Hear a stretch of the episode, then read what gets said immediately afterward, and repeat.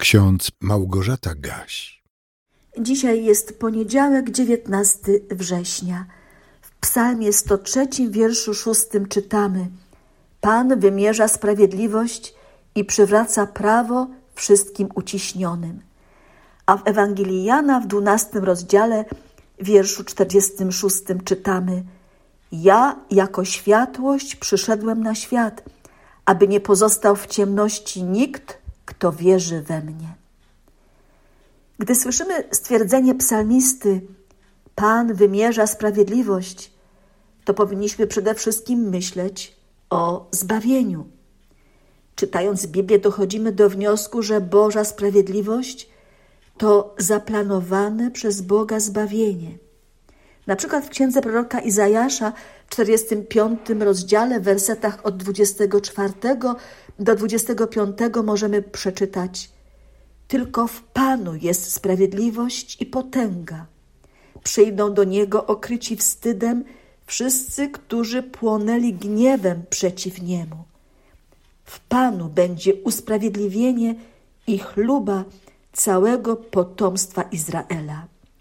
To tłumaczenie Biblii Ekumenicznej. Apostoł Paweł w liście do Rzymian w trzecim rozdziale, w wersetach od 21 do 24 napisał: Ale teraz, niezależnie od zakonu, objawiona została sprawiedliwość Boża, o której świadczą zakon i prorocy.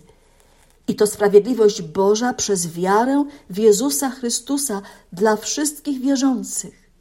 Nie ma bowiem różnicy, gdyż wszyscy zgrzeszyli i brak im chwały Bożej i są usprawiedliwieni darmo z łaski Jego przez odkupienie w Chrystusie Jezusie. Boża sprawiedliwość, Boże zbawienie jest dostępne dla wszystkich, którzy w Jezusie Chrystusie rozpoznają swojego Zbawiciela. Bo jak napisał apostoł narodów, wszyscy są grzesznikami i dlatego wszyscy potrzebują ratunku. Jedynym ratunkiem przed wiecznym potępieniem, przed karą śmierci z powodu popełnianych grzechów jest, jak mówi nam Słowo Boże, przyjęcie daru zbawienia, jakie dane nam jest w Jezusie Chrystusie. On mówi do ludzi na całym świecie, mówi nie tylko do członków narodu wybranego, ale do wszystkich ludzi ze wszystkich narodów. Ja, jako światłość, przyszedłem na świat, aby nie pozostał w ciemności nikt, kto wierzy we mnie. Pan Jezus mówi o ciemności grzechu, zwątpienia, beznadziejności i bezsensowności. Bo czyż ma sens życie człowieka, który obraża Boga swoim postępowaniem i mówieniem? Ci, którzy nie dopuszczają do siebie myśli, że Panem nieba i ziemi jest Bóg, próbują siebie stawiać w miejsce Boga. I być może przez pewien czas są z siebie zadowoleni, dumni. Ale czy tak jest zawsze? Co myślą, gdy zbliża się ich odejście z tego świata? Czy odchodzą w nicość, w ciemność, czy też tęsknią za światłem? Chcą mieć nadzieję, że to jednak nie koniec. Chrześcijanie już dziś, już teraz, już na zawsze mogą korzystać z Bożego światła, bo ich Pan, ich Zbawiciel jest światłością świata.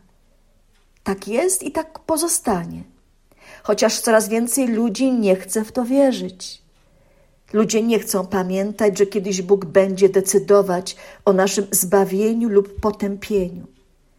Ludzie próbują fałszować naukę biblijną, a niektórzy uważają, że to jakieś bajki, że w dzisiejszych czasach trzeba już wreszcie zaprzestać mówienia o jakimś tam Bogu.